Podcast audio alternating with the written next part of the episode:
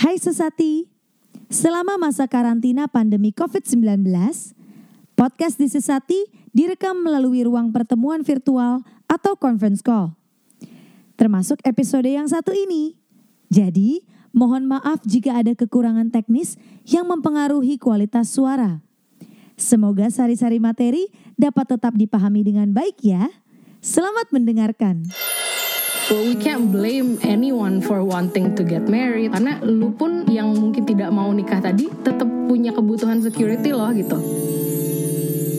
Hai teman-teman Sesati, balik lagi di podcastnya This is Sati bareng gue Isel Dan gue Lia Dan hari ini kita kedatangan tamu yang cantik, baik hati, Suka menolong suka rajin menolong, nabung. rajin nabung. Hai Mbak Karina Negara Halo. Apa kabar Mbak? Baik, working from home tapi ya baik. Jadi Mbak Karina Negara ini adalah psikolog keluarga dan psikolog anak ya Mbak ya Iya. Betul Kalau eh, boleh tahu prakteknya di mana sih eh, Mbak kalau misalnya nanti ada teman-teman dari kami nih tertarik untuk konsultasi langsung Biasanya nih kalau nggak work from home ya Iya, iya. Jadi ya aku psikolog dan co-founder Calm. Kalau praktek offline-nya atau eh, praktek tatap mukanya eh, di dua tempat yaitu di Life Spring Counseling and Care Center di Tanjung Duren sama di Rumah Sakit YPK Mandiri di Menteng. Terus eh, selain itu eh, aku juga memberikan konseling secara online melalui aplikasi Calm gitu. Eh, Cuman sekarang kalau lagi work from home ini tetap bisa konseling video eh, lewat live spring bisa. Kalau lewat YPK nggak sih? Eh, lewat live spring bisa atau langsung directly ke aku aja gitu. Oke Kayak aplikasi Calm itu gue tahu berapa lama yang lalu deh. Hmm. Menurut gue itu aplikasi bantu banget sih, makasih ya Mbak Karina ya. Sama-sama senang sekali bisa eh, semoga berguna buat banyak orang deh gitu. Amin, Iya betul amin. betul. Nah jadi eh, hari ini kami tuh sebenarnya mau menjawab pertanyaan banyak banget orang nih yang suka datang ke Sati bertanya tentang pernikahan. Pernikahan. Jadi kayaknya banyak banget orang eh, pasangan di luar sana atau sebenarnya individu-individu di luar sana tuh yang masih suka bingung yakin atau enggak sih sebenarnya mau nikah atau kayak em, apa sih yang perlu gue tahu dari pernikahan? Pernikahan tuh emang sebagus apa sih sampai gue harus menikah gitu? Iya iya. Karena kan sekarang Ini- ngetren banget ke sana ya orang-orang bilang kalau ah gue nggak mau nikah gitu atau kayak ah gue nggak siap nikah itu seakan-akan jadi tren gitu Sep- Iya. seperti menolak budaya lama untuk untuk tidak menikah itu tapi sebenarnya masih banyak juga orang yang merasa bahwa pernikahan itu adalah tujuan hidup Betul. Makanya kita sering banget tanyain kapan nikah juga. ya. iya kita juga sering banget ditanyain kayak Itu sebenarnya pertanyaan semua tante dan om di Indonesia kayaknya ya. betul betul apalagi kita sekarang menuju eh, lebaran ya puasa betul. lebaran nih biasanya pertanyaan itu makin banyak muncul Makin sering muncul, benar. Mudah-mudahan karena nggak bisa pulang kampung jadi nggak nggak ada yang nanya lagi. Kurang ya. Tolong tante om dikurang-kurangin nanya-nanyanya. Mungkin eh jangan-jangan nanti lewat video call walaupun Iya nggak benar pulang nggak kan ketemu mudik ya. nih. Tetap. Tetap aja Tante pas- Om. Terus langsung ditanyain, kamu kapan nikah? Tetap. Kamu kapan? teror lewat video. Nah, walaupun sekarang juga kayak banyak yang pernikahan juga banyak ditunda ya karena Ya. eh, krisis kesehatan ini, tapi sepertinya pemikiran tentang pernikahan tuh pasti tetap ada sih di Iya. di, di, banyak- di Betul. masyarakat di banyak orang gitu. Dan actually ya menurut aku memang kita sekarang lagi eh, terhambat gitu kali ya. Yaitu faktanya ini bukan opini atau apa pun tapi faktanya kita lagi terhambat nih aktivitas kita ya mau itu nikah, kerja apa pun itu lagi terhambat. Tapi relationship gitu ya bukan mungkin bukan acara pernikahannya atau apa pun relationshipnya kan tidak tertunda ya relationship itu kan jalan terus ya friendship benar. ya family relationship, ya romantic relationship, ya mau walaupun kita lagi terhambat physical activity-nya kan kita nggak berhenti relationshipnya. Jadi menurut aku tetap harus dibahas nih gitu. Bukan berarti kita kayak oh ya udah deh eh, pernikahan kita misalnya oke udah dengan bijaksana memutuskan kita tunda dulu wedding day-nya gitu ya misalnya. Eh, jadi tahun depan atau akhir tahun we'll see nanti gitu. Tapi bukan berarti berhenti membahas the relationship loh atau atau hubungannya itu bukan di di pause juga enggak loh. Perencanaan nikahnya mungkin iya kayak booking booking sana sininya ya ya emang harus pause dulu gitu. Tapi ngomongin relationship relationshipnya malah sebaiknya jangan pause itu karena jadi Mempersiapkan mental diri. pernikahannya nggak boleh pos ya. Iya. Iya nggak boleh pause menurut aku. Kita social distancing bukan emotional distancing Betul. ya. benar, benar banget, benar banget. Nah, Mbak Karina, kalau menurut Mbak Karina sendiri nih di mata psikologi, kenapa sih banyak orang tuh em, suka banget sama konsep pernikahan meskipun sebenarnya mungkin mereka eh, tidak tahu gitu apa yang akan mereka hadapi di pernikahan. Kayak masyarakat tuh banyak banget yang pokoknya gue harus nikah umur segini, pokoknya gue mau nikah gitu. Walaupun alasannya banyak banget, nggak cuman karena dia cinta sama pasangannya gitu. Kenapa sih em, pernikahan tuh jadi terlihat begitu indah dan dijadikan target hidup, Mbak? Mm-mm. Jadi uh, I think ada dua aspek dari pertanyaan ini gitu ya. Aku dan aku akan jawab dua-duanya. Uh, nanti akan dibahas yang mungkin yang udah lebih banyak tahu deh urusan culture dan agama gitu ya. Itu adalah faktor cukup besar, tapi ya itu aku bahasnya belakangan karena perlu dibahas di akarnya dulu gitu. Akarnya tuh maksudnya kita ini apaan gitu. Kita ini manusia. Manusia itu makhluk sosial. Oke, ini bagian sini mungkin semua orang udah kayak iya tahu-tahu gitu kan. Udah iya tahu manusia itu makhluk sosial. Tahu nggak itu artinya apa gitu. Jadi mungkin kalau ngomongin pernikahan secara apa ya formal gitu kali ya bahwa eh, ya tanda tangan di atas kertas mungkin atau eh, ada sakramen agama gitu ya. Itu kan ritual dan eh, formalitas gitu.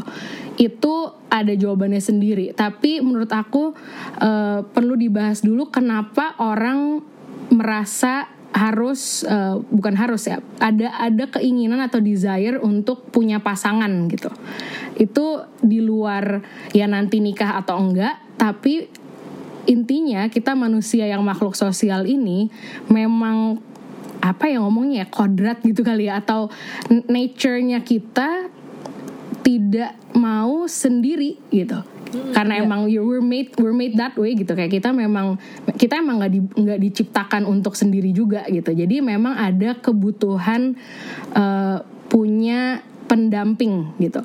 Ini again eh, belum tentu langsung mikirinnya romantis ya. Pokoknya kita semua orang butuh teman gitu dulu deh. Butuh teman butuh pendamping eh, makanya mau kita introvert banget gitu misalnya atau mau kita bisa jadi oh enggak gue eh, nggak mau menikah gitu.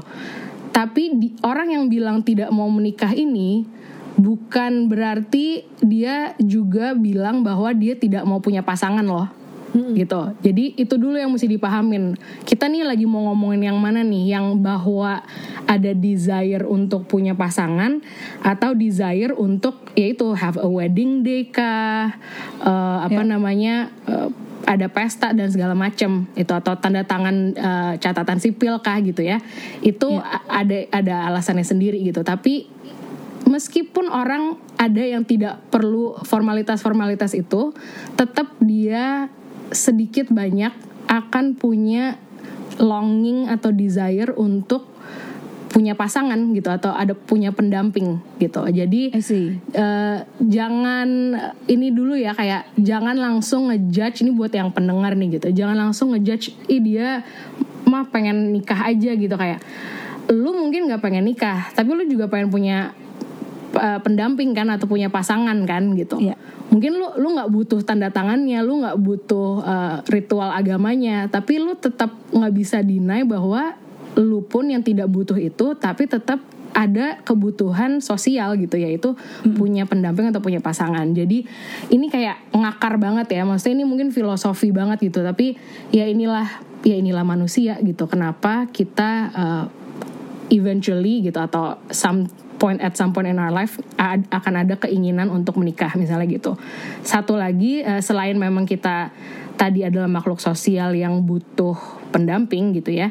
eh, kita juga manusia itu somehow eh, ya aku honestly aku nggak tahu ini akarnya dari mana banget gitu ya. Maksudnya kayak apakah ini evolusi atau uh, I don't know uh, but uh, manusia itu punya keinginan atau kebutuhan untuk memiliki gitu. Jadi kita tuh suka dan bangga dan butuh bahkan kadang-kadang untuk tahu bahwa kita punya sesuatu gitu. Yeah, Sesuatu itu ya ya in in this context ya someone gitu ya. Uh, relationship ini ya kita kita punya someone gitu. Uh, karena itu uh, memenuhi kebutuhan kita untuk uh, be in control gitu. So many human needs kali gitu ya. Mungkin kalau kalau kita mendasar banget tuh intinya kenapa orang ad- banyak orang atau ba- hampir semua orang ada keinginan untuk menikah karena human needs kita tuh banyak banget gitu. Salah satunya punya pendamping, poin kedua bisa memiliki, tapi yang mengakari semuanya adalah uh, feeling of being in control gitu.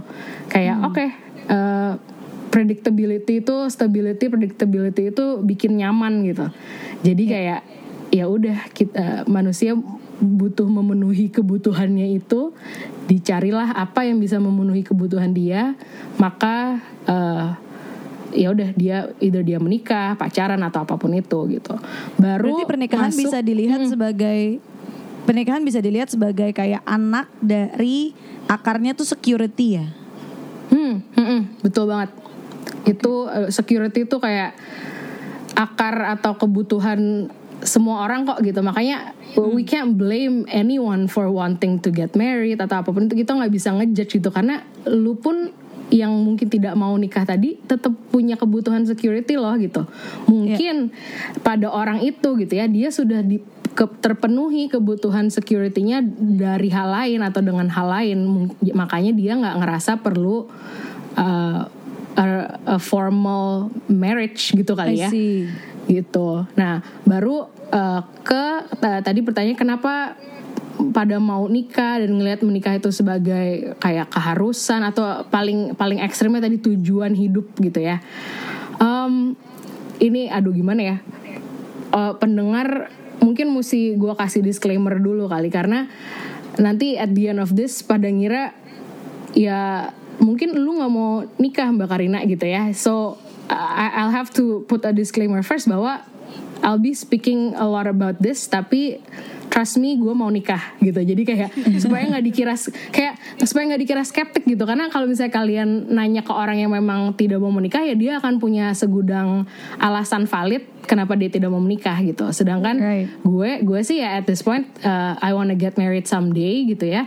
Uh, cuman ya orang perlu tahu loh bahwa ada alasan yang salah dan ada alasan yang benar untuk menikah gitu ya. Uh, mungkin bukan benar tapi lebih tepat gitu. Sama uh, ya mereka perlu menyadari hal-hal itu gitu. Yaitu memang culture plays a huge part gitu. Culture itu plays a huge part in uh, kita jadi pengen nikah punya pesta pernikahan gitu kali ya. Mungkin tuh lebih spesifik lagi gitu. Punya Iya, iya. pengen punya pesta pernikahan gitu. Karena ada juga ya ini banyak macam uh, kita nggak bisa kayak pukul rata semua orang tuh sama gitu. Karena ada yang uh, yes mau menikah secara formal tapi tidak butuh pesta misalnya gitu. So that's another type of person gitu kan. Ada yang uh, butuh pestanya ada yang uh, tidak mau menikah sama sekali pesta ataupun uh, cuma secara catatan sipil gitu misalnya. Jadi so many types of people surrounding marriage gitu. Cuma memang pesta pernikahan itu culture culture termasuk uh, ya culture ethnicity ya culture apa sih namanya negara gitu segala macam tapi juga agama-agama itu kan masuknya di bawah culture juga gitu. Karena memang ada keharusan-keharusan uh, dari agama gitu. Bukan harus nikah tapi misalnya tidak boleh berhubungan seks sebelum menikah gitu kan. Iya. which means itu kan di situ ada ada prerequisite-nya dia bukan bilang lo harus nikah tapi dia bilang ya kalau lo mau berhubungan seks lo harus nikah gitu Iya. so bukan mengharuskan nikahnya tapi memberikan some some rules or some boundaries terkait uh, sexual relationship gitu jadi um, ya in general kenapa uh, pada mau pesta itu karena culture. Kenapa bikin jadi tujuan hidup? Karena culture. Karena mungkin orang-orang tertentu ini uh, ketika tumbuh besar gitu dari kecil artinya gitu ya. Ketika tumbuh besar uh, langsung masuk ke culture yang bahwa menikah ya langsung misalnya bisa jadi mamahnya atau papahnya atau tantenya atau pokoknya orang-orang terdekat anak ini gitu. Jadi kita ingat-ingatnya waktu kita masih kecil mungkin gitu. Kalau mau ini kalau mau refleksi diri gitu. Waktu kita kecil uh, apa yang diajarkan ke kita tentang marriage gitu. Apakah ini adalah target hidup atau ini milestone, ini nanti someday maybe gitu. Karena bahasa orang tua tuh ngaruh banget loh gitu. Kayak misalnya hmm. orang tua yang bilang uh, nanti suatu hari kamu harus menikah sama kayak ya kalau nanti kamu mau menikah gitu. Itu okay. yeah. kayaknya oh ini sama-sama ini kok sama-sama nyuruh nikah enggak loh gitu. Yang yeah. tadi iya. yang kedua uh, adalah if gitu. Kalau kalau beda sama nanti waktu kamu nikah gitu. Itu hmm. udah udah seperti asumsi. Bahkan ini ini ada ada interesting um, apa sih finding aku tapi dari dari teman aku yang uh, dia orang Korea Amerika tapi tinggal di Indonesia. Hmm. KTP kita uh, kalau ada yang lagi pegang KTP dekat gitu coba dicek gitu ya. Status pernikahannya itu um, kalau masih single itu tulisannya belum menikah. Hmm. Kalau sudah nikah ya menikah gitu kan ya atau nanti ada yang misalnya uh, bercerai nggak tahu ya kayaknya bercerai uh, satu lagi kalau yang di pasangannya meninggal uh, duda atau janda gitu kalau nggak salah. Uh, tapi aku mau fokus di yang belum menikah ini. Belum menikah itu kan berasumsi bahwa nanti akan menikah Iya, iya iya iya. Gitu. Jadi gini, even even something as small as this gitu, kita nggak ngeh loh. Kita nggak sampai ini sampai temen aku point out, aku juga nggak ngeh kayak emang ya ya status pernikahan lo apa single belum nikah gitu itu kayak jawaban jawaban yang kayaknya biasa aja nggak ada maksud apa-apa. Tapi ketika kita dari kecil selalu konsepnya belum menikah belum menikah belum menikah artinya ya someday akan gitu. So yeah. si temen aku ini pernah naik taksi. Kan dia ya dia bisa bahasa Indonesia dikit lah. Dia naik taksi terus uh, ya biasalah uh, basa-basi ngobrol sama supirnya gitu. Terus si supirnya nanya e, ibu uh, sudah menikah? Gitu. Terus uh, si teman aku kalau si teman aku ini saat itu dia uh, kalau dia memang apa namanya menikah itu bukan keharusan ya buat si temen aku ini. Jadi dia jawabnya e, tidak menikah pak gitu. Terus si bapaknya oh belum gitu kan. Terus si uh, temen aku kayak e, enggak pak tidak menikah gitu. So, by the way this girl is now married ya. So like again uh, people need to be really open minded about uh, our conversation gitu. Karena bukan berarti orang-orang yang kayak kesannya kalau ngomong atau ngobrol tuh anti menikah terus berarti uh, berarti dia tidak mau menikah gitu enggak cuma ada kepercayaan dan mindset yang berbeda-beda aja gitu. So yeah. my friend is now married uh, dan sudah punya anak gitu ya. Dan di titik itu pun dia bukan yang tidak mau uh, menikah ever tapi buat dia menikah itu bukan suatu keharusan atau bukan tujuan hidup gitu kali ya. Hmm. so iya dia kayak pokoknya berkali-kali dia kayak e, enggak pak tidak menikah. Terus oh iya belum mbak. Digituin terus. Jadi si gak terima uh, supir taksinya kalau dia nggak mau. Iya jadi temen aku kayak ya udah deh udah gua, udah udah males deh uh, ngabalesin si bapak ini. Which means that bapak gitu ya he was raised in a, a household or a culture where marriage is uh, a life goal mungkin gitu yeah, yeah, atau yeah. minimal salah satu milestone hidup yang harus suatu hari dilakukan uh, atau di ya, ya dilakukan gitu cause um, that's not what everyone believes by the way gitu loh hmm. Nah, tapi kenyataannya gimana sih Mbak? Maksudnya uh, apa sih yang luput dari perhatian kita nih orang-orang yang uh, mungkin mendambakan sebuah pernikahan uh, ya. tapi belum belum tahu gitu di dalam pernikahannya sendiri tuh akan seperti apa gitu. Ya. Apa sih yang harus kita expect, harus kita harapkan dari sebuah pernikahan sebenarnya? Ada nggak sih yang bisa hmm. kita harapkan? Salah pertanyaannya hmm. ya. Ada gitu. Uh, dan makanya persiapan pernikahan atau uh, pre ya premarital ini nggak cuma counseling ya we'll, we'll get there gitu. Tapi pre aku nyebutnya premarital prep gitu kali ya. Karena uh, counseling is just one of uh, the activity dalam si payung prep ini gitu. Iya. tapi bahkan orang yang belum punya pasangan pun sudah bisa kalau memang dia ingin menikah ya suatu hari gitu. Ini uh, now I'm talking to specifically orang-orang yang memang pengen nikah gitu. Uh, lu masih single pun lu sudah bisa memulai proses premarital prep itu gitu. Bukan bukan harus nunggu punya pasangan baru premarital prep. Kalau premarital counseling ya obviously mesti dilakukan jika dan setelah ada pasangan gitu ya. Tapi premarital, premarital prep is something you can do now if marriage is what you want to do gitu. Atau even yang masih belum yakin gitu. So what what you can expect from uh, marriage uh, is a lot of things gitu. Itu itu jawaban yang yang ini dulu ya. Uh, tapi perlu di accept dulu bahwa even if uh, lu sudah belajar berbagai banyak hal, sudah ya konseling kah, nonton video uh, online beribu-ribu macam tentang uh, marriage dan segala macam, tetap tidak bisa uh, mempersiapkan lo secara total kok. Maksudnya kayak bukan berarti oh kok gue udah jago banget tentang marriage gitu ya. Terus nikah terus masuk ke marriage-nya itu lalu zero um, Mistake. surprises. Iya zero mistakes and zero surprises gitu ya. Nggak bisa juga cuy gitu. Karena setiap orang juga beda gitu dan setiap kondisi pernikahan tuh beda gitu.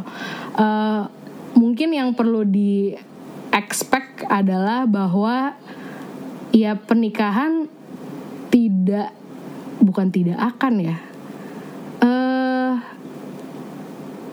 Iya, ya udah deh. Ini bahasa yang biar dimengerti semua orang. Ya tidak seindah Instagram gitu kali ya, atau iya nggak sih gitu. Maksudnya eh, tidak seindah Instagram, tidak seindah fairy tale, tidak seindah romcom gitu kali. Soalnya itu ini mungkin agak mundur lagi sedikit tadi ya kenapa kita eh, ngerasa nikah tuh bakal indah apa segala macam ya karena yang diliatin orang lain cuma yang indah-indahnya doang gitu. Iya. Eh, berapa orang sih di sini yang atau berapa pasangan sih di sini yang eh, actually share about the downs of their marriage gitu nggak banyak bukan nggak ada ya tapi nggak banyak banyak kan pro- pro- pro- porsi orang itu yang cuma show yang pas happy happy doang ya gitu Uh, Iya. not blaming them, tapi pokoknya faktanya begitu. Maka kita sebagai konsum konsumer gitu ya, konsumer sosial media, konsumer film dan segala macam, ya kita cuma dapat sisi happy-nya doang gitu.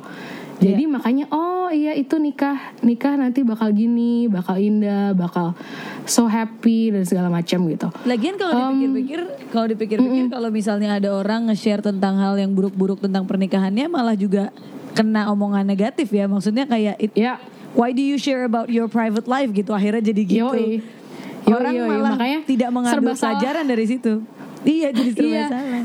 Serba salah karena eh, aku nggak tahu ya culture lain tapi aku pernah aku set- setengah Jawa orang aku misalnya eh, ada keturunan Jawanya.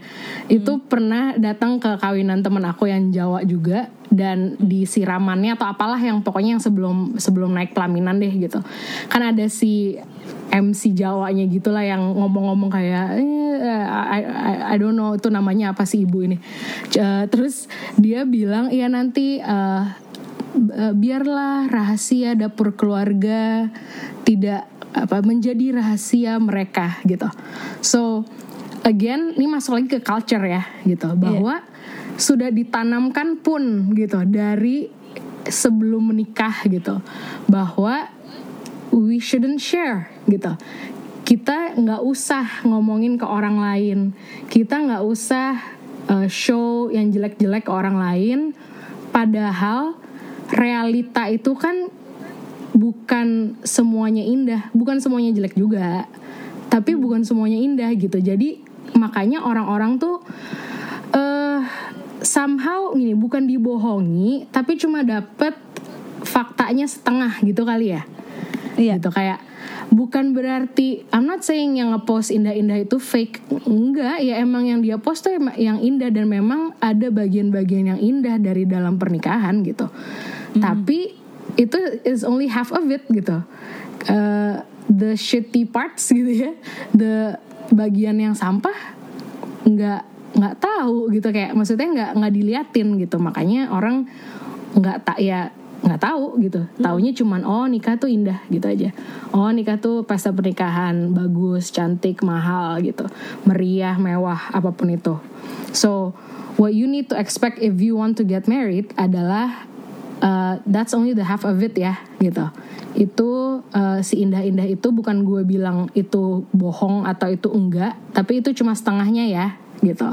So you need to also expect the other half which is uh, the not so nice parts gitu.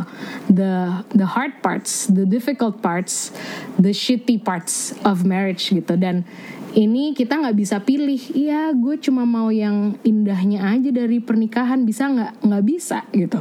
Kalau cuma mau yang indahnya aja nggak usah nikah gitu. Nggak apa-apa gitu. Uh, nggak nggak harus nikah just uh, I have other alternatives for you gitu. Kayak we can talk about that gitu. Cuman kalau memang mau menikah for whatever reason ya for um, religious reasons, cultural reasons, family ataupun itu keinginanmu sendiri, uh, please know and understand that uh, the joys of marriage is only satu bagian dari marriage. So the other bagian is the lows of marriage yang akan dan harus uh, lu hadapi juga gitu. gue pertanyaan nih. Uh, I mean, if it's too hard to answer atau kayak terlalu tricky, we can take this out. Tapi this, I'm- Yeah, yeah. this is making me very curious.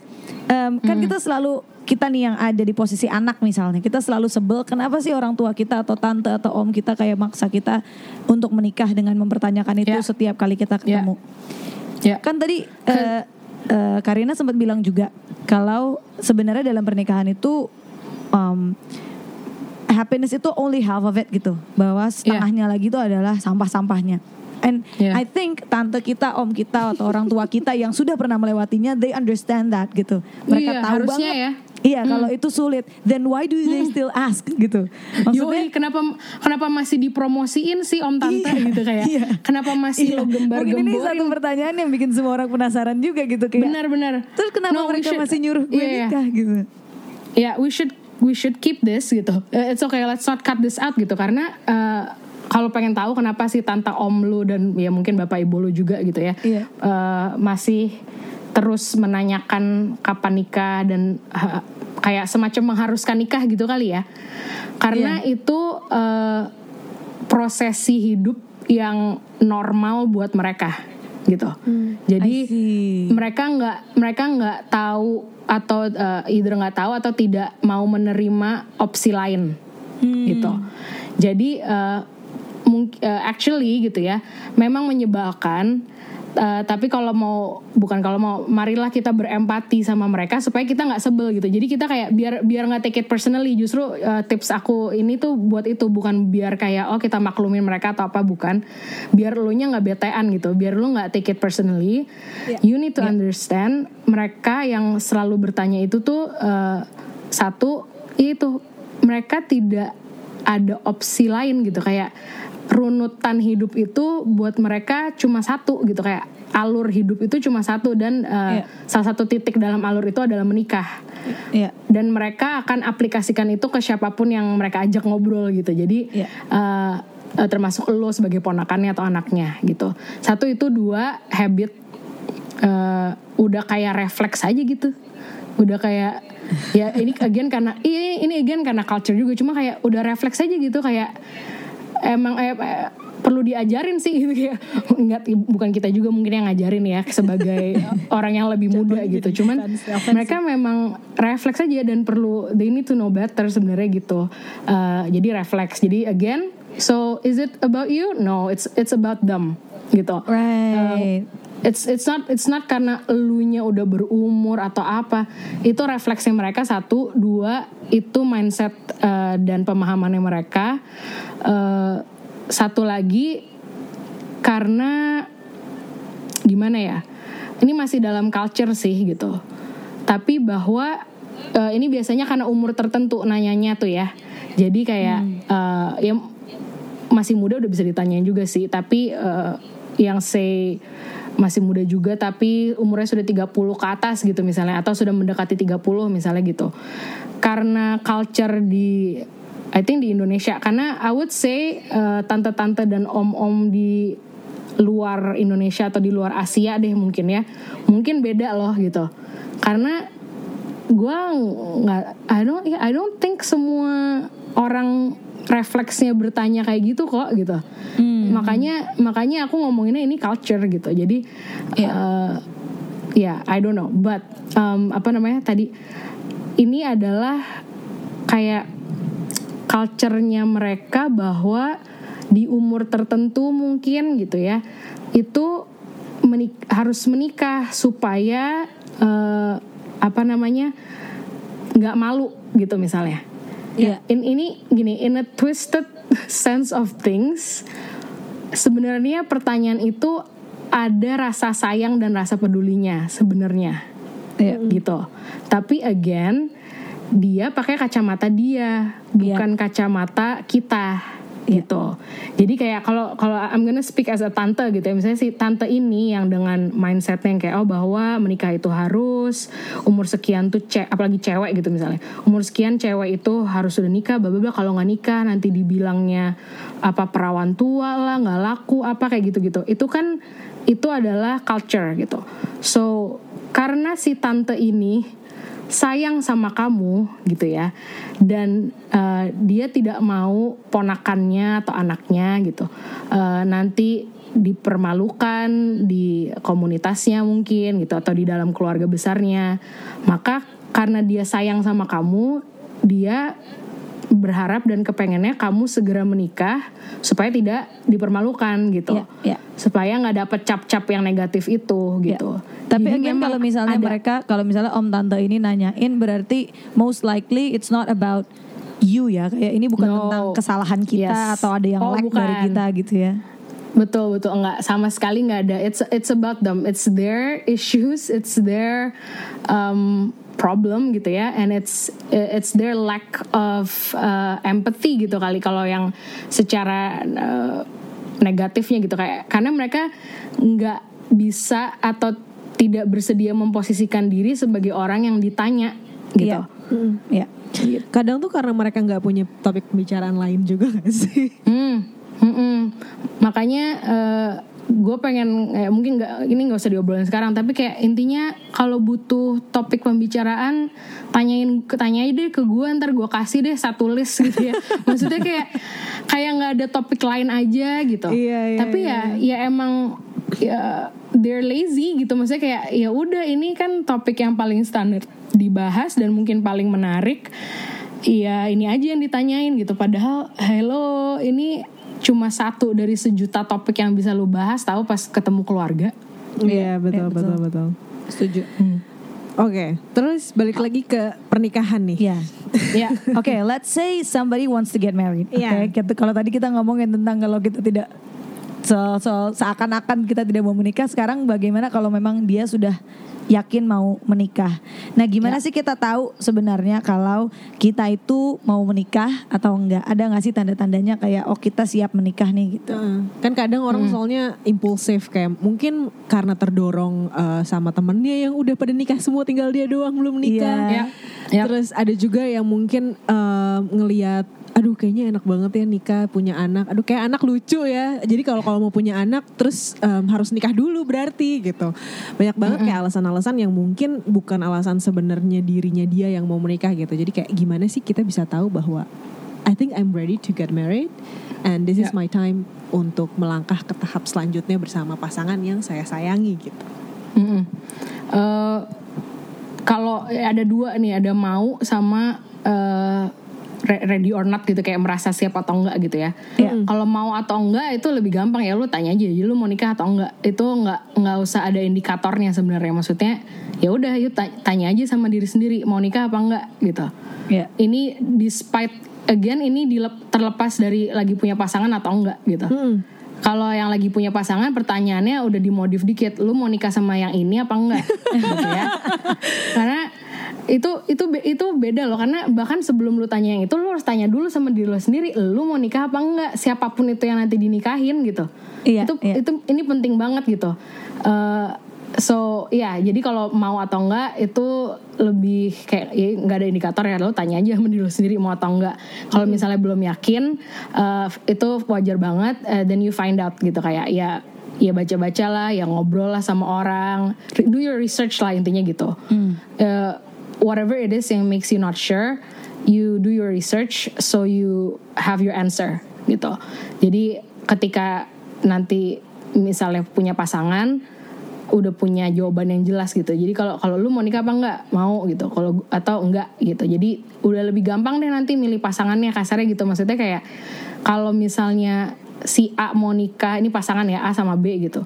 A mau nikah B nggak mau nikah nggak usah waste time kenalan dan segala macem lah gitu menurut aku ya. Kayak ya udah udah pasti beda gitu ke i- cari pasangan lain aja yang yang yang sama gitu yang sama-sama mau nikah atau tidak mau menikah gitu ya. So mau is easier. Eh, siap atau enggak ini yang memang lebih tricky gitu ya.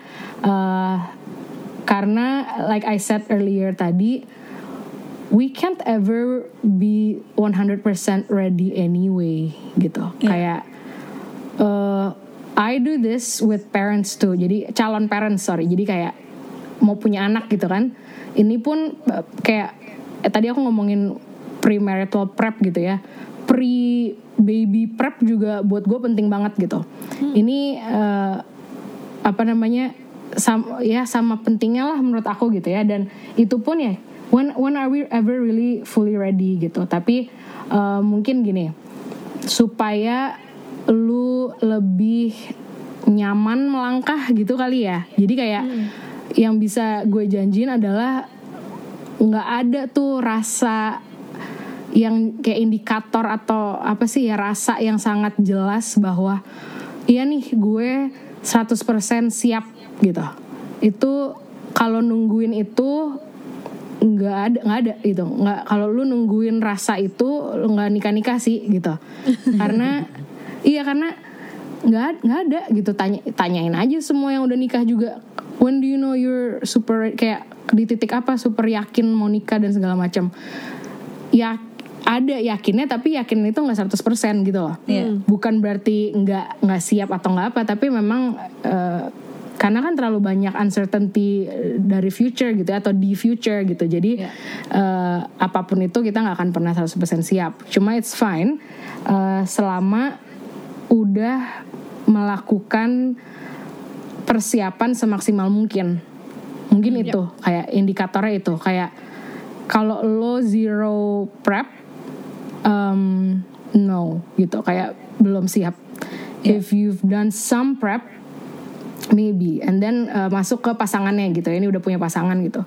Yeah. pasangan lo pun juga gitu. Tapi di diri lo sendiri uh, there are lots of prep you need to do. Satu uh, diri lo sendiri dulu gitu. Jadi diri lo sendiri adalah mengenal diri lo uh, mengenal apa yang lo suka dan lo nggak suka mengenal kebutuhan lo gitu. Kayak oh kita semua ini punya needs. Ada yang uh, universal gitu ya semua orang, orang punya gitu. Ada yang specific needs gitu. Oh kalau gue sukanya gini butuhnya gini.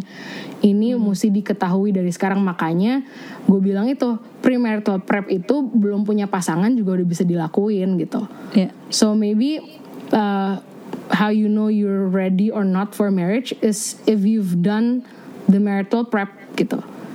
Uh, mengenal diri, lalu ini udah mengenal diri ya, mengenal pasangan lo tentunya, Ya. gitu. Iya. Dan uh, siap dengan ketidakjelasan, gitu kali ya. Wah, Iya. padahal kan nikah yang dicari kejelasan ya.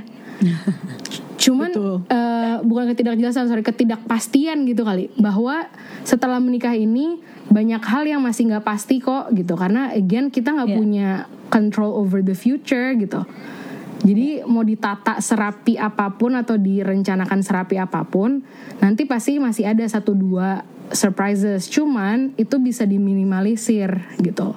Jadi kalau buat aku, em, premarital prep itu untuk mengurangi unnecessary surprises gitu Ya. Iya. kayak lo eh, ini yang sering terjadi soalnya setelah nikah gitu ya. Ternyata dia gitu. Itu kalimat depannya gitu. Ternyata gue nggak tahu. Ah, ah, ternyata dia titik titik titik gitu kayak ternyata dia apa apa pun itulah ternyata dia gini ternyata dia gitu. Em, itu banyak loh yang bisa diketahui sebelumnya gitu. Eh, jadi kalau ini ini mungkin udah masuk ke gini kayak memang tadi pertanyaan tahunnya siap atau enggak tapi ini kayak udah campuran sama what I think as a psychologist gitu ya uh, you need to know atau kayak need to prepare for gitu ya sebelum lo uh, before you say I do gitu misalnya. Kan banyak tuh kalau kalau mau dicari artikelnya yang judulnya gitu what you need to know before you say I do gitu. Tapi ini ini versi gue gitu kali ya. Um, you need to know uh, kalian kalau menyelesaikan konflik tuh gimana? Gitu. Jadi ini pertanyaan paling uh, sering gue personally tanyakan ke teman atau ke saudara atau pokoknya ke orang yang misalnya curhat ke gue, gue mau nikah nih atau kayak I think he's the one atau ya, ya, banyak kan yang curhat cewek sih, cuma cowok pun juga bisa ya I think she's the one, uh, I think I wanna marry her gitu-gitu ya. Pertanyaan pertamaku adalah udah pernah berantem apa belum? Gitu. Jadi terus uh, Ba iya aku nanya udah pernah berantem apa belum? Terus ada yang nanya, nanya balik emang harus ya gitu. Uh, iya. So yeah, if, if you're asking me right, so for me before you get married you need to fight gitu. Iya. Bahkan kalau memang oh nggak kita adem ayem nggak nggak pernah berantem bla bla bla oke Eh, cari konflik gitu. Kayak ini uh, you need kayak it sounds weird but you need to trust me on this. Karena nanti kalau lu nggak konflik sekarang dan nggak ngelihat bagaimana lu menyelesaikan konflik dan dia menyelesaikan konflik dan kalian bersama menyelesaikan konflik nanti bakal keluar ternyata dia ternyata dianya belakangan. Terus keluarlah penyesalan gitu kayak tahu gitu eh tahu gitu ya. Harusnya lu udah tahu kemarin emang kayak who are you who, who- kayak who are you blaming here gitu. Kayak tahu gitu iya tahu gitu lu udah tahu ya makanya lu harusnya premarital prep jadi tahu sebelum nikah gitu. So you need you need to fight. Kayak I don't mean physical fight of course ya gitu ya. Tapi you need to argue you need to fight gitu. Harus eh, mengalami konflik sebagai pasangan untuk eh, melihat cara masing-masing, cara bersama, dan itu akan bisa menentukan eh, cara lu apa eh, keputusan lo untuk lu mau menikah sama orang ini atau enggak gitu. Karena eh bukan yang nggak bisa diubah tapi it's unlikely to change gitu. Kayak eh bisa konseling sih dan bisa ya itu bisa dijadikan topik pembicaraan gitu ya dalam konseling tapi eh, kita itu cara kita menghadapi konflik udah natural gitu jadi kayak Iya. udah udah berdasarkan berapa puluh tahun kita hidup gitu so eh, tolong jangan berharap bisa mengubah orang dalam sekejap gitu ya jadi kayak Bener. nge- again I'm not saying that person cannot change or lu atau lu sendiri gitu ya jangan cuma nyalain orang lain nih bisa jadi ternyata ketika kalian berantem dan berkonflik itu yang eh, penyelesaian konflik yang gak efektif lu bukan dia tapi lu gitu Iya.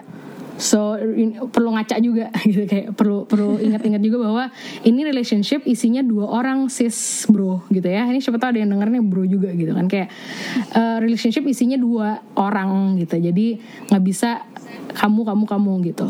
Tapi aku juga gimana gitu kan. Iya. So itu satu, dua eh, mesti me- membahas dengan pasangan berbagai ekspektasi gitu karena eh, ekspektasi yang tidak terpenuhi atau tidak ketemu gitu ya bahasa Inggrisnya adalah unmet expectations adalah faktor utama perceraian eh, faktor utama perseteruan ya nanti konflik yang udah in marriage itu gitu Ya. konflik yang beresiko gitu ya.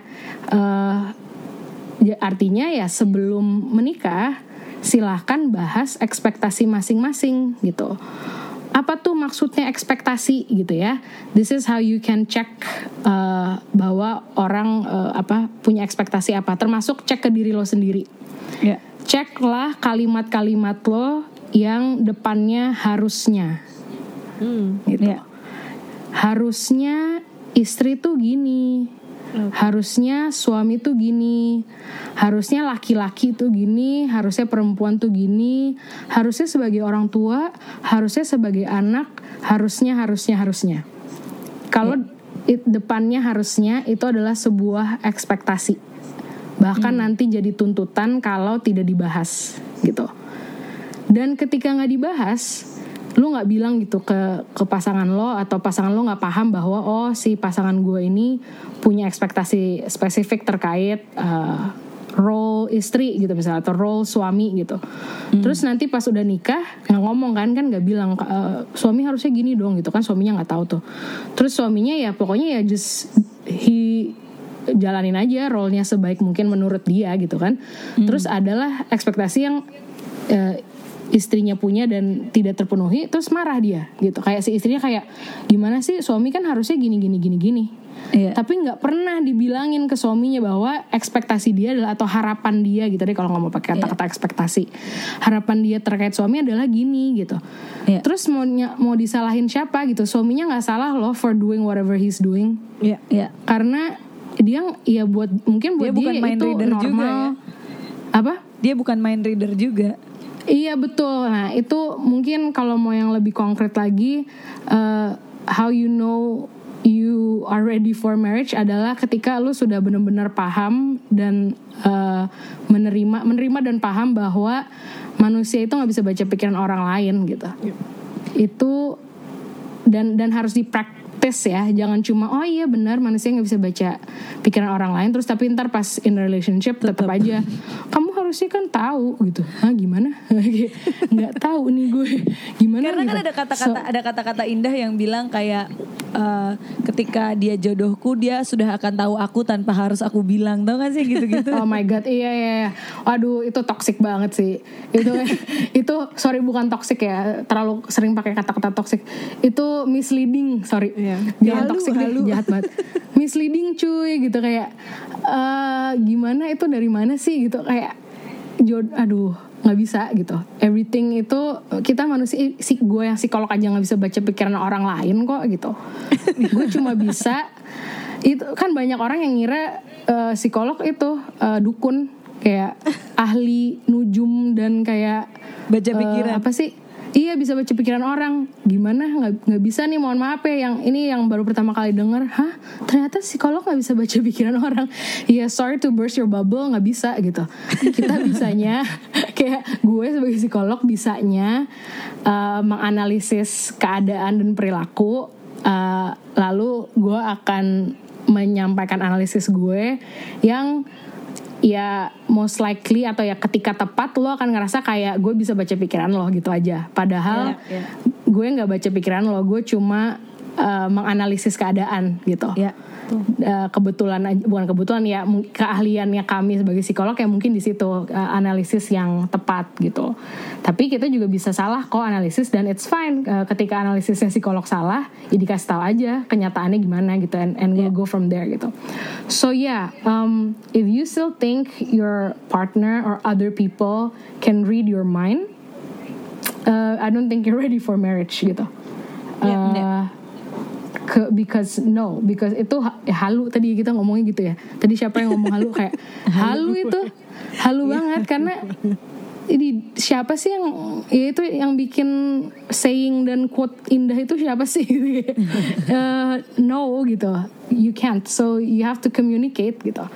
Perlu belajar skill komunikasi perlu belajar eh, apa kompromi ini juga ini mulai beberapa poin lagi nih yang perlu dipersiapkan sebelum menikah adalah ya eh, hal tentang compromise, hal tentang give and take yaitu tadi kom- compromise juga ya gitu. Apa yang harus dikorbankan, apa yang harus diperjuangkan misalnya gitu. Um, so ya yeah, you are ready for marriage kalau sudah semaksimal mungkin mengenal diri dan mengenal pasangan dan sebagai pasangan. Itu kan tadi terpisah tuh diri sama pasangan. Lalu Ya. eh, yang gabungannya adalah ketika sudah eh, punya visi dan misi dan uh, bayangan gitu kali ya yang yang sama atau kalaupun nggak sama persis masih selaras gitu. Uh, tentang pernikahan dan tentang uh, nanti berkeluarga. Itu harus dipahami dulu di awal termasuk gini kalau orang-orang banyak yang tujuan menikahnya juga buat punya anak gitu ya. Uh, jika itu tujuan utamanya, uh, tolong dibahas dulu sebelum menikah. Kalau misalnya nanti nggak bisa punya anak gimana? Ya. Gitu.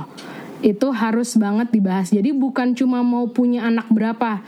Uh, ini nih ya anak gue nggak tahu sih sekarang udah sekecil apa yang udah mulai pacaran dan segala macam maksudnya kayak udah sekarang umur anak umur SD gede apa SMP apakah semakin banyak yang mulai pacaran? I don't know gitu. Maksudnya uh, trennya saat ini bagaimana? I don't know. Cuman daripada kelamaan uh, apa sih kayak gombal-gombal ngomongin nanti kalau kita punya anak kita namain siapa? Gitu. Itu oh itu terus kayak Aduh tuh sudah manggil each other mama papa lagi pusing gue. Um, ya daripada itu ya itu boleh. Nah, gue amat sayang itu nggak boleh gitu kan. Itu kan kalian berandai-andai dan bermimpi bersama itu juga bagus gitu ya. Tapi jangan lupa diobrolin juga kalau nanti uh, ternyata kita tidak bisa punya anak secara normal gitu ya. ya. Uh, gimana gitu. Either ya bisa either way karena kan kita nggak tahu ya bisa jadi memang uh, kondisi biologis atau medis yang si ceweknya bisa jadi cowoknya uh, bisa jadi dua-duanya. And then what are your options gitu? Apakah uh, adopting is an option buat kalian? Apakah yeah. uh, apa sih? Uh, IVF, IVF itu nanti jadi opsi. And all those other options itu mesti dibahas sebelum menikah gitu karena ya. uh, itu akan jadi titik konflik juga kalau nggak dibahas sebelum gitu. Ya, betul. Jadi mungkin payung besarnya gitu ya kayak payung besarnya adalah yang mengenal diri, mengenal pasangan, sama kalian as a couple itu kan another entity on its own gitu. Jadi kayak ya. mungkin mengenal dan memahami tiga entitas itu ya, kamu, dia dan kita eh gitu kali. Kamu ya, ya. Uh, itu tiga-tiganya itu harus dipahami gitu. Meminimalisir uh, surprising elemen aja kali berarti ya. Yes, kan? yes, ya. yes, bener banget. Uh, ini again assuming um, you don't want to get a divorce kayak atau bukan you don't want to get a divorce. Uh, assuming uh, divorce itu bukan sesuatu yang diharapkan atau yang kayak uh, kalian oke okay gitu I'm not yeah. saying kalau divorce itu kenapa-kenapa, bukan. Tapi kan uh, mostly orang memulai pernikahan dengan harapan tidak mau bercerai ya gitu. Tidak semoga yeah, yeah. ini sekali seumur hidup dan tidak tidak perlu bercerai gitu. Uh, assuming itu karena ada juga orang-orang yang kayak oh ya yeah, it's it's fine kayak maksudnya ya kita nikah nikah aja whatever happens happens gitu kalau misalnya memang konsepnya kayak gitu mungkin premarital prep jadi not as important for this person gitu karena resikonya rendah kok maksudnya kayak nggak ada yang at stake gitu loh kayak nggak yeah. ada yang ditaruhkan nggak ada yeah. yang beresiko kenapa kenapa karena ya we'll see gitu ya artinya mungkin proses pengenalan mereka baru terjadi totalnya waktu sudah menikah itu cuman yeah. I'm assuming most people do not want to get a divorce ya gitu so yeah. If you don't want to get a divorce uh, divorce itu bisa dihindari gitu ya. dengan ya. premarital prep yang ajak dan lengkap dan ya semaksimal mungkin gitu. Oke, berarti konseling pranikah itu penting banget ya? Penting banget gak sih? Hmm, buat aku sih penting banget gitu karena sometimes kita ketika berdua doang ngobrol gitu misalnya sama pasangan kita ada masih sungkan-sungkannya nggak enak atau mungkin bahkan kita nggak kepikiran untuk membahas poin itu gitu. Mm. jadi jadi nggak kebahas. Bukan karena nggak mau atau apa pun bukan menghindari juga gitu ya tapi ke, ya nggak kepikiran aja gitu uh, kita nggak nggak bahwa itu penting juga untuk dibahas dulu gitu. Jadi uh, pranika buat aku itu wajib buat aku sih wajib ya kalau mau menikah selama lamanya ya gitu. Iya. kayak uh, again if that's what you want you need to do it gitu. Uh, ada yang dari agama gitu aku nggak tahu di agama lain aku Kristen gitu. Kalau di Kristen itu ada konseling pranikah di gereja gitu ya. Iya. atau nyebutnya katekisasi pranikah gitu. So that is important but I would also suggest ke yang non religious juga uh, konselingnya Oke. karena uh, ya it's just good to have more input and more points raised aja gitu. Karena bisa jadi ada poin yang uh, di apa sih tadi yang di religious prepnya itu uh, nggak kebahas gitu. Bisa jadi dan dan vice versa gitu. Dan bisa jadi uh, di uh, counseling yang non religious itu ada poin-poin tentang agama dan lain sebagainya yang tidak terbahas gitu. Jadi menurut aku dua-duanya penting dan sebaiknya dilakukan juga dua-duanya bukan cuma salah satu gitu. Karena eh ya ya again what what do you want here? Do you want a long lasting marriage or you just want to see where it goes? If you just want to see where it goes nggak usah nikah kali ya kayak maksudnya nggak usah nikah dulu gitu. Bukan nggak usah nikah ever tapi kayak nggak usah nikah dulu gitu. Kalau kayak eh, tapi ya again I understand bahwa eh, banyak alasan atau keharusan menikah itu karena agama juga gitu. Jadi kayak supaya halal gitu kan ya. Eh, ini agama apa pun kayaknya ada kay- kayaknya ya. Aku nggak aku nggak tahu deh eh, agama yang lain. Cuman yang aku tahu di Islam sama di Kristen sama di Katolik itu ya memang ada larangan eh, melakukan hubungan seks sebelum nikah gitu. Jadi Ya. memang ada yang ya udah eh, halalin dulu gitu. Kita Jadi kayak halalin ya. Mm, halalin dulu supaya nggak berdosa dan segala macamnya gitu ya. Eh, baru di dipersiapkan gitu pernikahannya somehow gitu. Jadi kayak somehow baru dipersiapkannya setelah I do's-nya gitu. Eh, Iya, iya. Tapi kalau buat aku ya even if eh, memang alasan utama menikahnya adalah supaya halal, bukan berarti cuma itu doang yang dibahas loh gitu. Kayak Iya poin-poin lainnya juga harus dibahas gitu. Jangan cuma eh, urusan seksnya doang gitu. Iya. jadi so ya even even then uh, you should talk about the other stuff juga gitu. Ini uh, aku pengen ngomongin beberapa hal topik topik kali ya gitu. Beberapa topik yang harus dibahas Ya, ini I say harus ya. When I and when I say harus ini bukan anjuran ya guys gitu. Kayak ini bukan oh this is good to talk about gitu. Kayak I'm not saying that. I'm saying you have to. Ini wajib dan harus uh, dibahas sebelum menikah gitu. Uh, satu tadi tentang konflik gitu ya. Bagaimana kalian berkonflik makanya berantem dulu gitu. Makanya kayak kalau lu mau nikah uh, please banget berantem dulu sebelum nikah gitu. Sup- supaya uh, supaya kenal supaya tahu gitu. And you know what?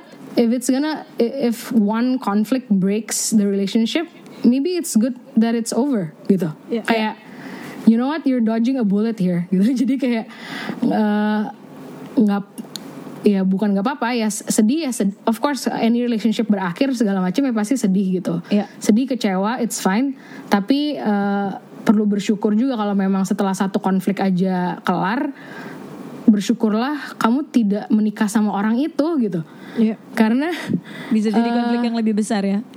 Iya, itu bisa terjadinya nanti kalau lu nggak tahu sekarang dan berarti ya hubungan kalian tidak cukup kuat untuk maju atau untuk menjalani badai gitu kayak Iya. karena itu tadi eh, mungkin udah kelamaan dibahas tadi di depan ya bahwa nikah itu isinya badai dan pelangi gitu kali kalau kita kita analogiin gitu. Kayak kalau cuma mau pelinga- pelanginya doang mah nggak perlu persiapan apa-apa.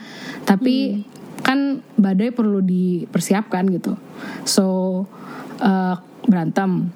Dua ngomongin uang gitu. Eh, ini penting banget ngomongin uang berarti harus transparent atau harus terbuka sama pasangan tentang kondisi keuangan masing-masing. Ya.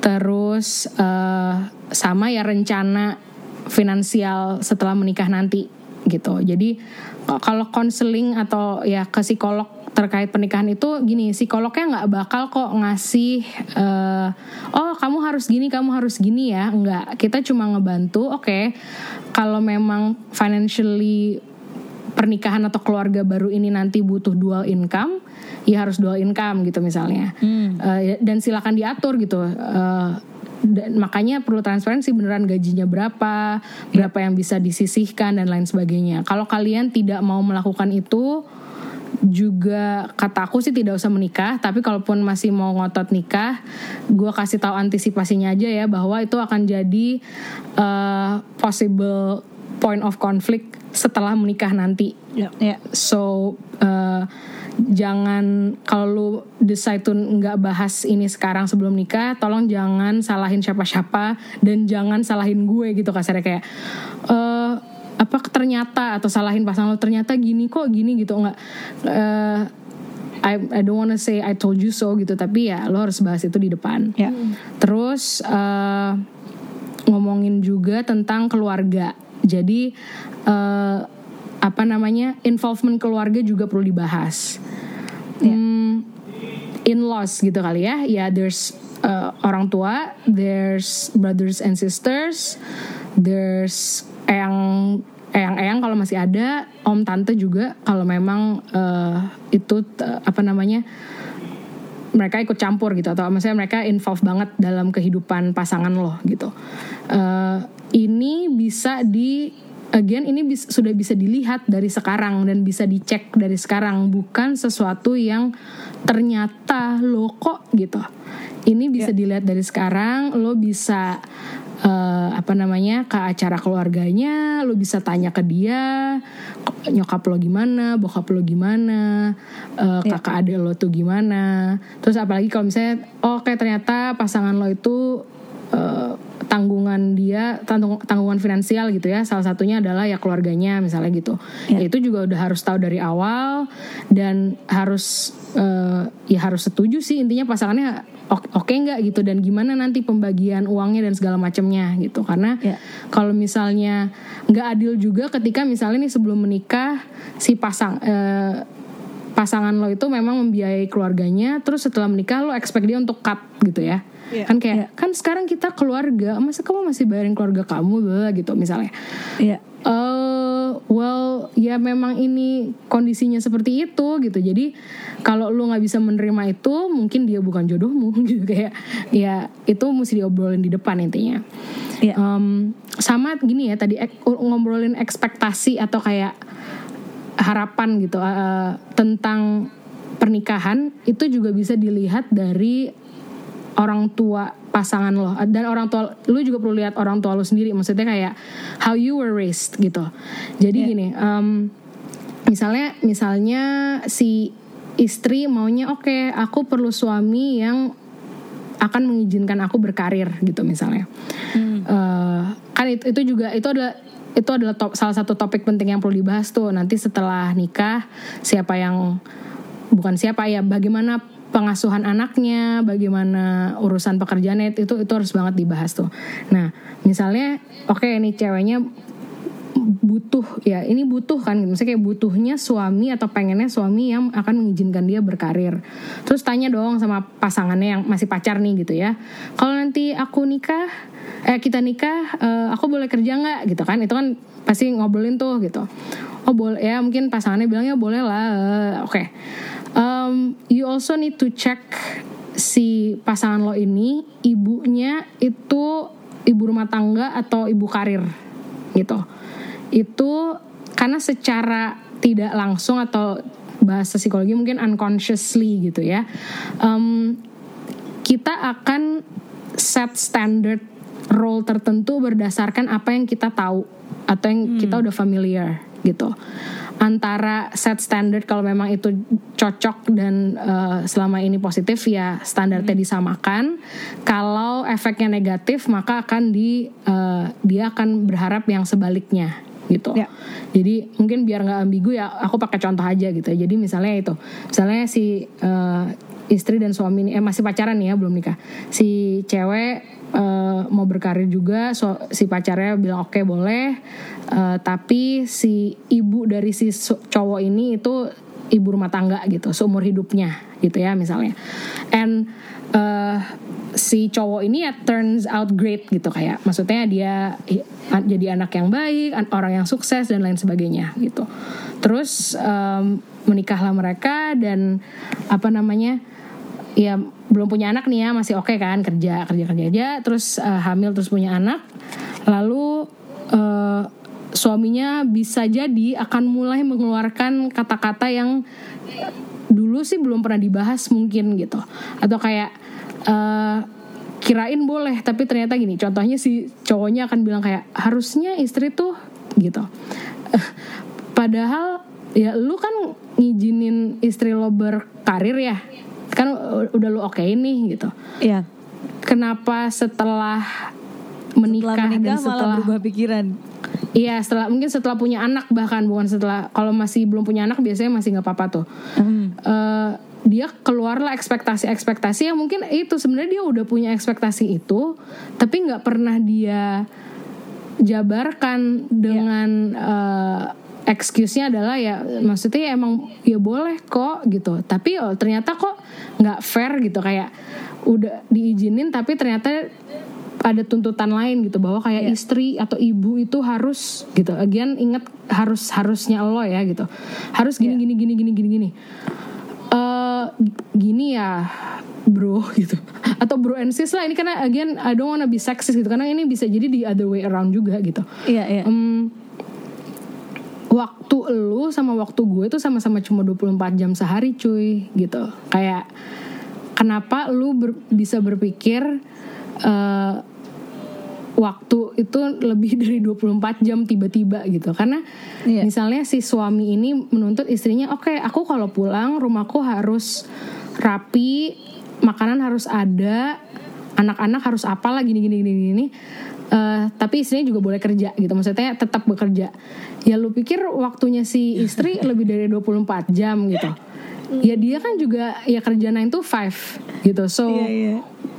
when did you think she can magically uh, fly home and prepare the food gitu kayak yeah. sama lo waktunya kayak lo gitu ya which means artinya kalau memang mengiyakan dan sama-sama bukan bukan mengizinkan tapi ya memang sudah uh, deal bahwa oke okay, kita berdua bekerja gitu ya ya artinya pekerjaan rumah pun harus split equally juga dong gitu. Iya. Yeah.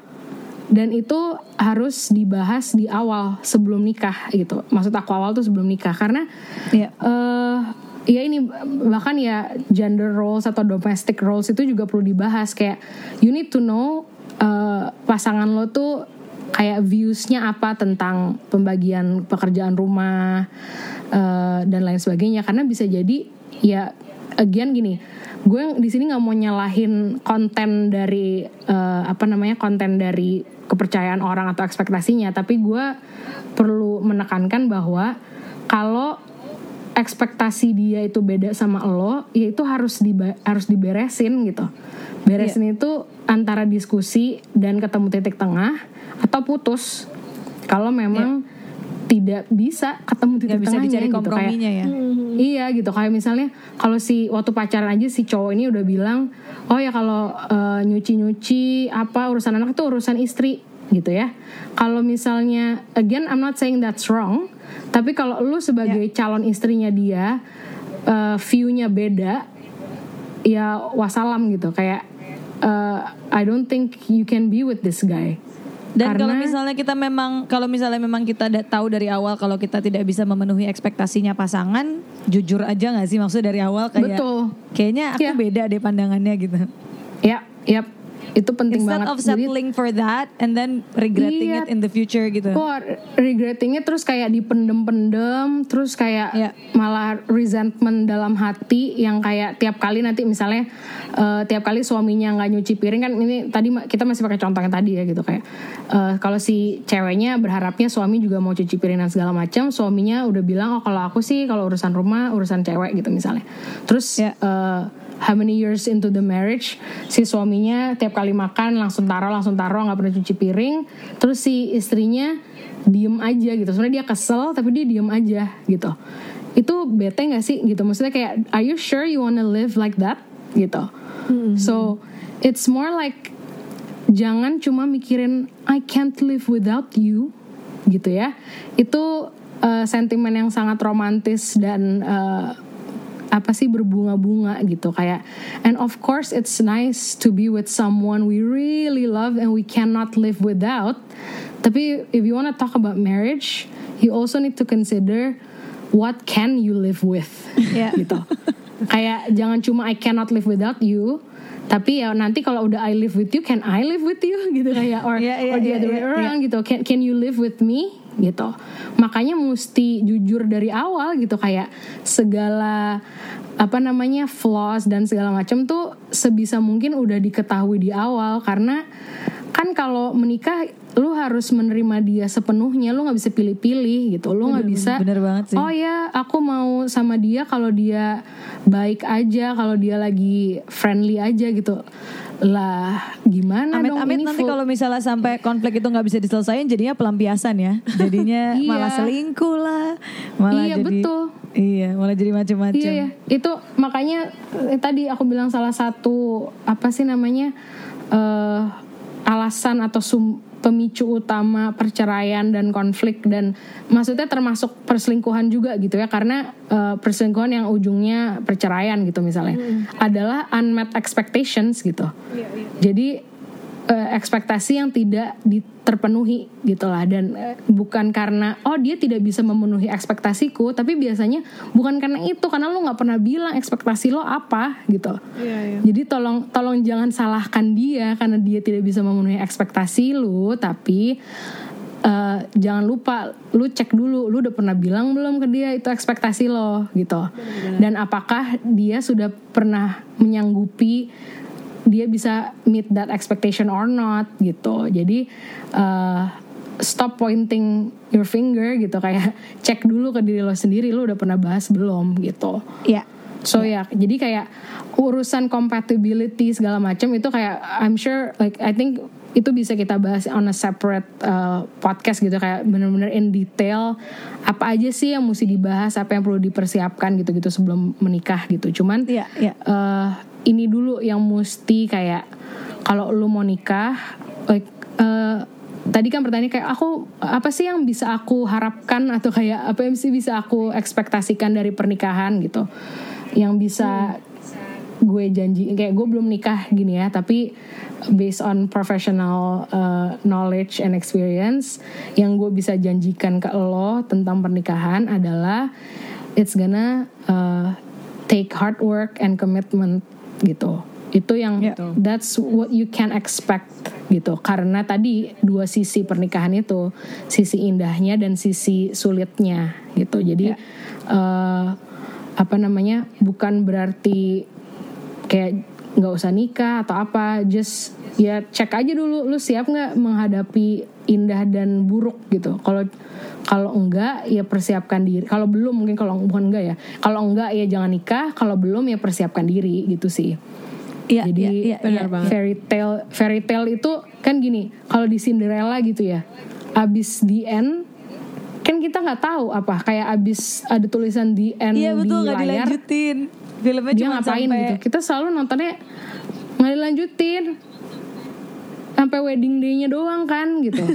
Jadi kayak em, kalau gue saranin sih nonton kalau gue gue suka nonton ya. Maksudnya eh, bahkan ya satu nih self care dua gue pun banyak belajar dari film dan dari TV shows gitu. So I would suggest uh, watching TV shows and movies yang realistis gitu. Kayak uh, a few I like aja gitu. itu itu tuh yang yang udah Oscar nominated barusan si Scarlett Johansson. Oh, the A Marriage Story, kalau nggak salah. iya. ada. Iya. ada di ada di Netflix. Iya. A Marriage Story not, not kalau nggak salah only judulnya itu. not only stories atau Uh, series yang berakhir ketika problemnya solve tapi kayak menunjukkan ada problem lagi setelah problem setelah Iya. problem. Yes. Yes yes yes. Iya iya banget. iya iya. Itu terus ada uh, TV show Th- This Is Us namanya sama Parenthood itu kok Parenthood eh, memang banyak tentang parenthood sih tapi tentang marriage-nya juga ada jadi kayak Iya, kalaupun iya. lu nggak mau punya anak nonton Parenthood juga nggak apa-apa karena itu uh, banyak tentang marriage-nya gitu. Yes, so yes, learn yes. from those and then learn from uh, couples gitu kayak tanya gitu, tanya-tanya orang, tanya-tanya yang bahkan I would say learn from two types of people. Tanya ke orang-orang yang uh, baru menikah setahun, baru tuh taruhlah setahun gitu ya, baru nikah. Terus yang nikahnya udah belasan puluhan tahun, sama yang kalau bisa ketemu uh, juga ngobrol sama orang yang pernah bercerai gitu. So belajarlah dari mereka semua, jangan cuma ngelihat Instagram yang indah-indah dan quote yang lovely-lovely doang gitu karena itu cuma satu sisi banget bahkan cuma sepersekian persen dari pernikahan gitu jadi uh, and and oh I was saying uh, di depan tadi kayak ada tujuan menikah yang salah dan yang benar gitu ya. Uh, mungkin bukan benar sorry yang yang tepat yang lebih bijak gitu kali ya.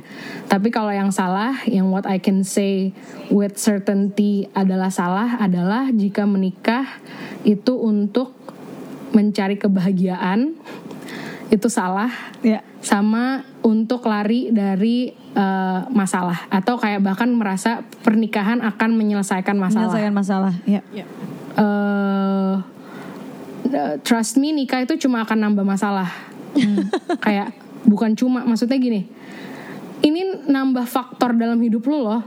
Lu single aja atau masih pacaran aja kan masalah kan banyak ya gitu. Maksudnya ya berbagai macam lah ya kerjaan lah apa segala macam. What makes you think adding another factor in your life mengurangi konsepnya aja tuh udah nambahin gitu. Jadi kayak gue nggak tahu bagian iya. mananya yang logikanya ini mengurangi sesuatu karena ini lu nambahin faktor dan nambahin orang dalam hidup lu bahkan lu nggak cuma nambahin satu orang yang lu nikahin itu loh Sekeluarga dia- semuanya. iya betul kan dia come with baggage gitu kayak dia come with Iya, iya, this iya. fakta dan kenyataannya adalah eh, if you add more things in your life tentunya akan increase chance of conflict bukan berarti menjamin pasti konflik tapi kan meningkatkan kemungkinan adanya konflik gitu Thank you, thank you banget Karina atas jawaban-jawabannya luar biasa banget. Eh, hari ini kok lengkap banget nih lengkap, paket lengkap komplit, pelajaran. kayak thorough banget gitu loh. Kita nggak cuma dijelasin pakai satu kalimat indah atau kayak quote yang bagus, tapi kita dijelasin sampai rinci sebenarnya proses berpik- berpik- berpikirnya seperti apa. Thank you banget Karina. sama-sama Bukan cuma terjawab Semoga- aja pertanyaannya, bahkan pertanyaan yang kita nggak ajukan jadi terjawab juga ya. Kayak ini kayaknya udah setengah konseling sih. iya ini udah setengah counseling. pertanyaan dalam hati ya udah kejawab juga Dengerin nih. ini kayak udah pre-counseling, Pre-counseling lah, tahu. pre-counseling. Yeah, betul. Pre, no, no, you know what? I think even gini, when I say pre-marital prep ya mendengarkan podcast ini adalah bagian dari pre-marital yeah. prep kalian loh gitu. Yeah. Betul, so, betul, betul. good, you're on your way. If you wanna get married, you're you're you're on the right track mendengarkan podcast Yes. ini gitu Yes. sih. Jadi semuanya kalau yang mau eh, berangkat menikah aja berangkat menikah. Berangkat Iya. menuju pernikahan. Ini adalah podcast yang tepat Ini untuk podcast yang tepat. eh, pre-counseling, pre-marital. Yes, pre yes. pre pre marital Ya, counseling. persiapan. Oke, kalau gitu makasih banget Karina eh, Sama-sama. semua insight-nya. Semoga nanti kita bisa podcast lagi dengan topik-topik yang lain. Ya. Sip. Eh, dan Teman-teman kalau misalnya mau mencari Karina bisa ke ulang lagi di awal episode tadi ada Oh, iya. di mana aja Iya, Karina bisa eh, ditemukan. Aku eh, mungkin biar gampangnya sebenarnya email sama Instagram aja kali ya. Kalau Ya. Instagram aku itu @kanegara Kan negara. kan eh, kan negara eh, emailnya karina.negara at gmail.com Yes. sama lewat calm juga bisa calm itu instagramnya at get titik calm calmnya pakai k Ya. Karena atau di download pun aja kita- aplikasinya Calm. Iya, download aplikasi aja Calm juga. Download aja Karena- aplikasi Calm. Eh, eh, karena ada artikel dan segala macam itu semuanya bisa ba- jadi bagian dari premarital prep kalian gitu. Jadi Yes. eh, sama ya tadi mengenal diri kan bagian dari premarital prep. Jadi ya mengen- silakanlah mulai mengenal dirimu lewat berbagai platform ini gitu. Oke, kalau Iya. gitu terima kasih banget udah dengerin eh, podcast Hati kali ini. Semoga Sati selalu sehat-sehat, selalu dalam keadaan baik dan bahagia, dan semoga kita selalu bisa belajar bareng tentang cinta. Sampai kita ketemu di episode selanjutnya. Dadah. Bye.